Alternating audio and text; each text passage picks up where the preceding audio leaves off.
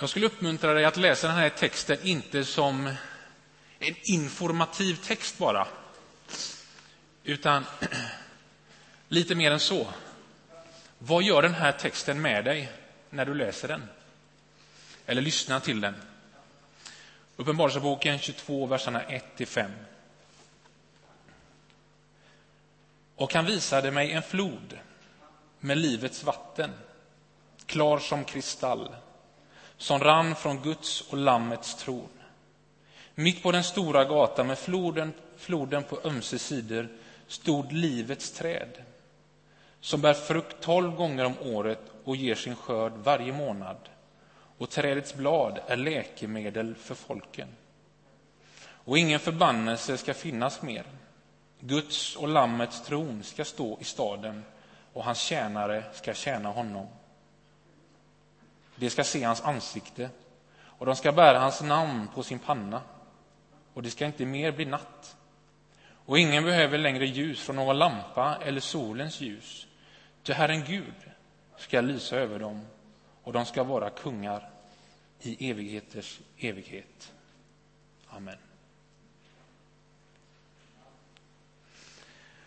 Om tro har det skrivits, tron är grunden för det vi hoppas på.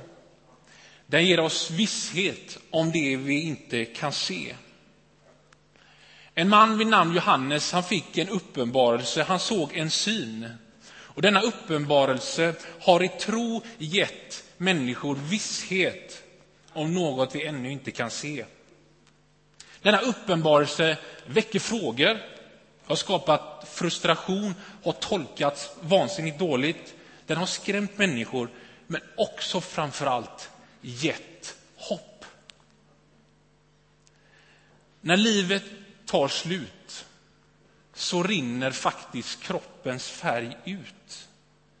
Blodet stannar och kroppen byter färg.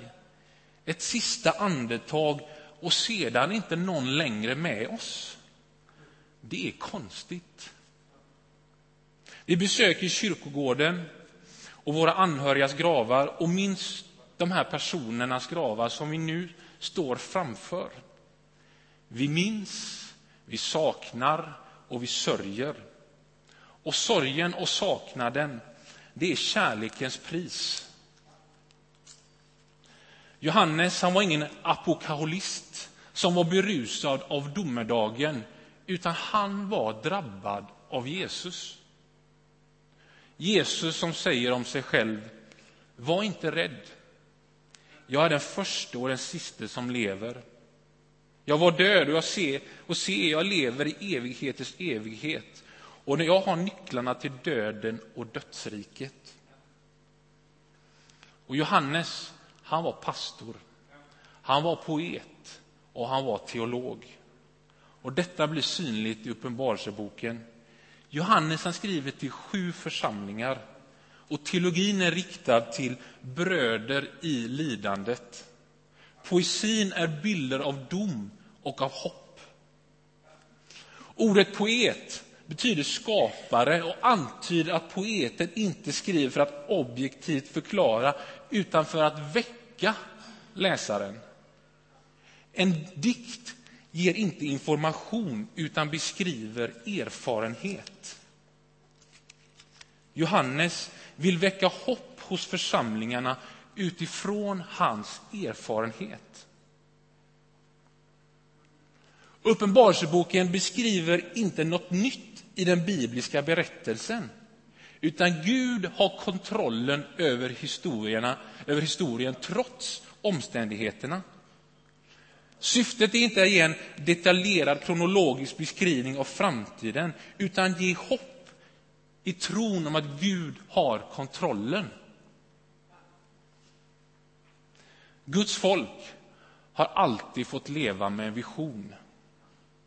Det folk som Gud har utvalt och som har valt att tro på Gud och leva med Gud i nuet har också levt med en vision som påverkar nuet. En vision som har krävt tro, men som har gett hopp. Jag ska låta dina ättlingar bli som softkornen på jorden, läser vi i Gamla testamentet. Ty ett barn blir oss fött, en son blir oss givet. Han har sänt mig för att förkunna befrielse för de fångna och syn för de blinda och ge dem tryckta frihet. Visioner. Och nu kan vi be, låt din vilja ske på jorden så som i himlen. Och nu kan vi hoppas, ingen förbannelse ska finnas mer. Vi ska se hans ansikte. När vi både ber och hoppas kan vi motiveras av framtidens vision till att leva med Jesus här och nu. Kristen tro är ingen undergångsreligion, utan vi är på väg mot en ljus början. Och pastorn Johannes har skrivit till de sju församlingarna att nuet hänger samman med början och slutet. Det är en hjälp till att hålla hoppet i lidandet. Och verserna vi har läst idag finns i sammanhanget, sammanhanget där en vision beskrivs med ett poetiskt språk om en ny himmel och en ny jord och också en ny stad, det nya Jerusalem. Det är mycket nytt. Och I detta nya finns ett symbolspråk som hänvisar bak till trädgården i skapelseberättelsen. Floden bevattnade Edens lustgård och nu i det nya finns det en flod med livets vatten, klar som kristall, som rinner från den gudomliga tronen. Vatten, en kemisk förening som är nödvändig för allt känt liv. I den kristna berättelsen är Gud nödig för, nödvändig för allt liv. Från Gud kommer liv. Och liv är ett stort begrepp. Det handlar inte bara om fysiskt liv, utan en människa kan också vara död inuti. Vi längtar, vi törstar. Och på den nya jorden kommer vi att kunna fyllas med allt det som vi människor törstar efter. Kärlek, bekräftelse, närhet och frid. Och jag tror att floden med livets vatten är en bild för just detta. Och det är från Gud själv som detta kommer. Men detta hopp har redan tagit sin början i Jesus. Jesus påverkan på en människas liv kan liknas med som att Jesus blir som livets vatten. Och där befinner sig människorna i de här församlingarna som det skrivs till. Tron på Jesus har gjort ett starkt inflytande på dem. Livets vatten har börjat påla inom dem. I Predikaren 3.11 står det så här. Gud låter människan urskilja ett sammanhang men kan aldrig fatta det Guds verk från början till slut. Livets träd finns i det sammanhang som är den stora berättelsen om Gud och människan. I skapelseberättelsen finns det ett träd av vilket frukt gör att människan lever för alltid. Men på grund av att människan blir lurad och överger Gud får de inte längre äta från det trädet. Konsekvensen av människans svek är att världen också influeras av syndens välde. Ett välde som kan beskrivas så här. En så kallad upplyst civilisation har lyckats med kolonisering, slaveri, två världskrig, förintelsen, skapandet av atombomben, apartheid och ett ekonomiskt system som gynnar 10 procent av befolkningen men missgynnar resten av världens befolkning. Det är nästan som att vi är under en förbannelse. Någonstans innerst inne vill vi göra gott, men det blir så fel och så mycket ont. I Uppenbarelsens bokens bildspråk för den nya jorden så står där ett träd, livets träd, som människan nu får äta av och det ger skörd varje månad och trädets blad är läkemedel. Det är en mättande plats för den som hungrar. Det är frihetens plats för den som plågas av smärta och lidande. Livets träd syftar både på den goda skapelsen i tidernas begynnelse och det goda slutet, evigheten. Nu påverkar inte längre syndens välde utan bara Guds rike. Förbannelsen ska inte finnas mer. Vägen dit gick också via ett träd, eller mer exakt en träpåle där Jesus, Guds lam, offrades för världens synder. I den judiska kontexten var en man som var upphängd på en träpåle, han var förbannad. Jesus han bröt den förbannelsen och besegrade döden och visade vägen som är vägen som är han till ett evigt liv. Jesus förlorade sitt liv på ett träd och blev ett livets träd för alla som tror på honom. Och mitt i denna text, mitt i denna text om människans upprättelse, så finns Gud. Guds närvaro. Guds och Lammets tron står i staden. Och i Guds närvaro, där upprättas människor. Tänk att bli en hel människa. Kluvenheten som vi bär på blir hel. Oro blir frihet. Stress blir frid. Rädsla blir trygghet. Utanförskap blir gemenskap. Kaos blir ordning och mörker blir ljus. Guds närvaro, den upprättar. Och analyserar man Jesu påverkan på människors liv så är just ordet upprättes en bra beskrivning för att sammanfatta det, skulle jag hävda. Och Jesus menar att Guds rike är nära.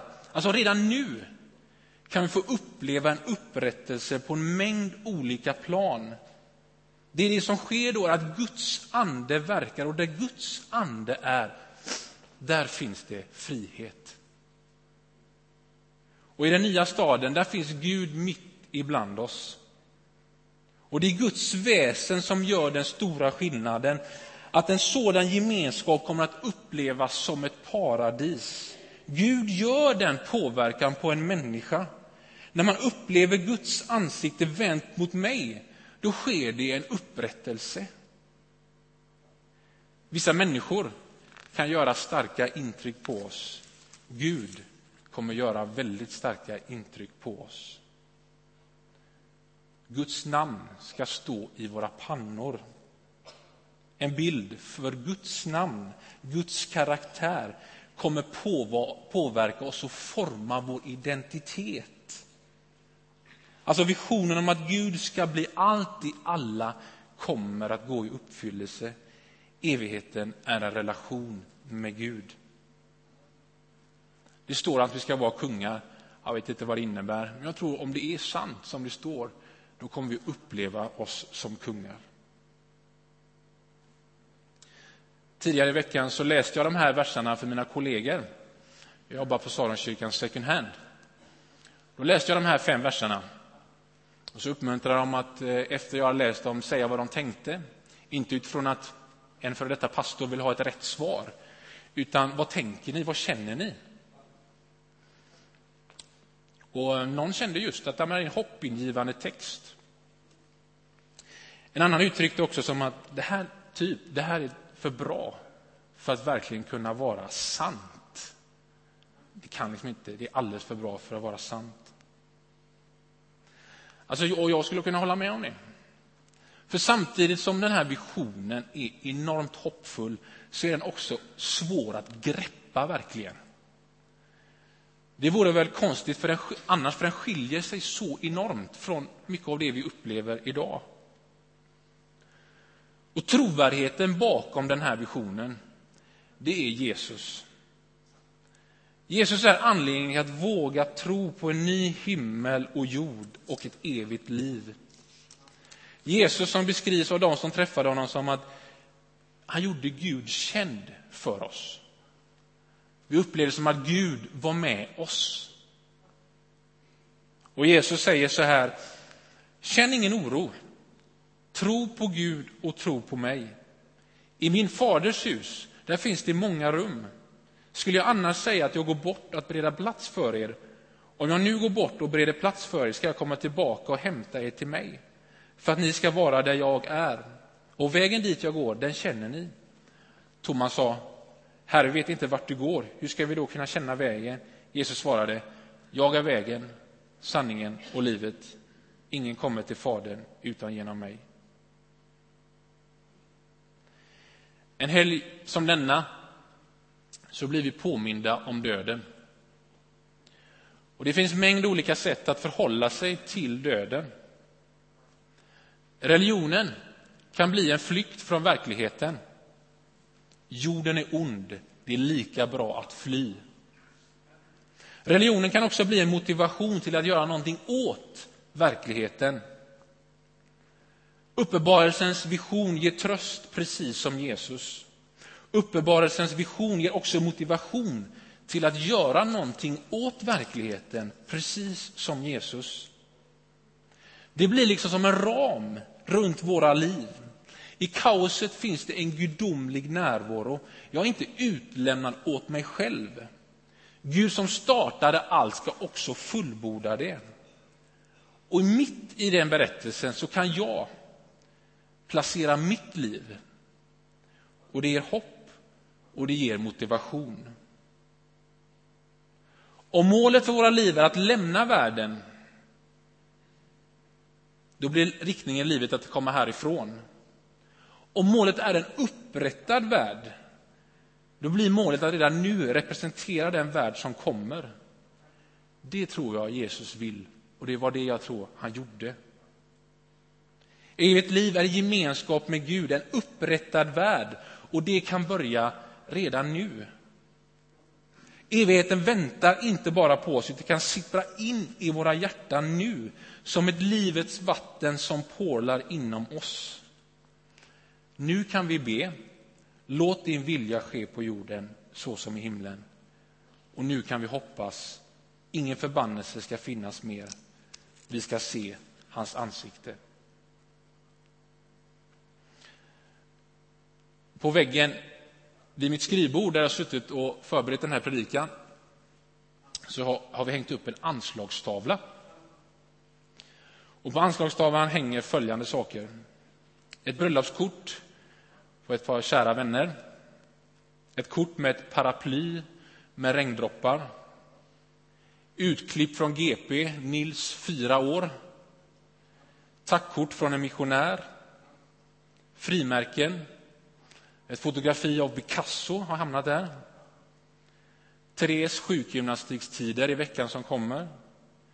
Ett papper som det står Mauritius på. Öppnar man det så finns det fina hotell som vi drömmer om. Ett recept med citronkyckling med doft av vitlök och färsk mynta. Ni känner det här framme. Och ett kort med 15 procent rabatt på Åhléns. Och på mitt bord stod det också ett kort av min pappa som gick bort för fyra år sedan. Jag tänker att den tavlan, det kortet, kan representera livet. Och det är mitt i livet som den här visionen som vi har läst om idag finns. Om en ny jord, om en ny himmel. Och den kan bli ett hopp. Guds folk har alltid fått leva med en vision. Och den vandringen är en trons vandring, men som också givetvis består av tvivel. Men visionen ger hopp. Gud har kontroll över historien trots omständigheterna i våra liv, i den här världens historia. Amen.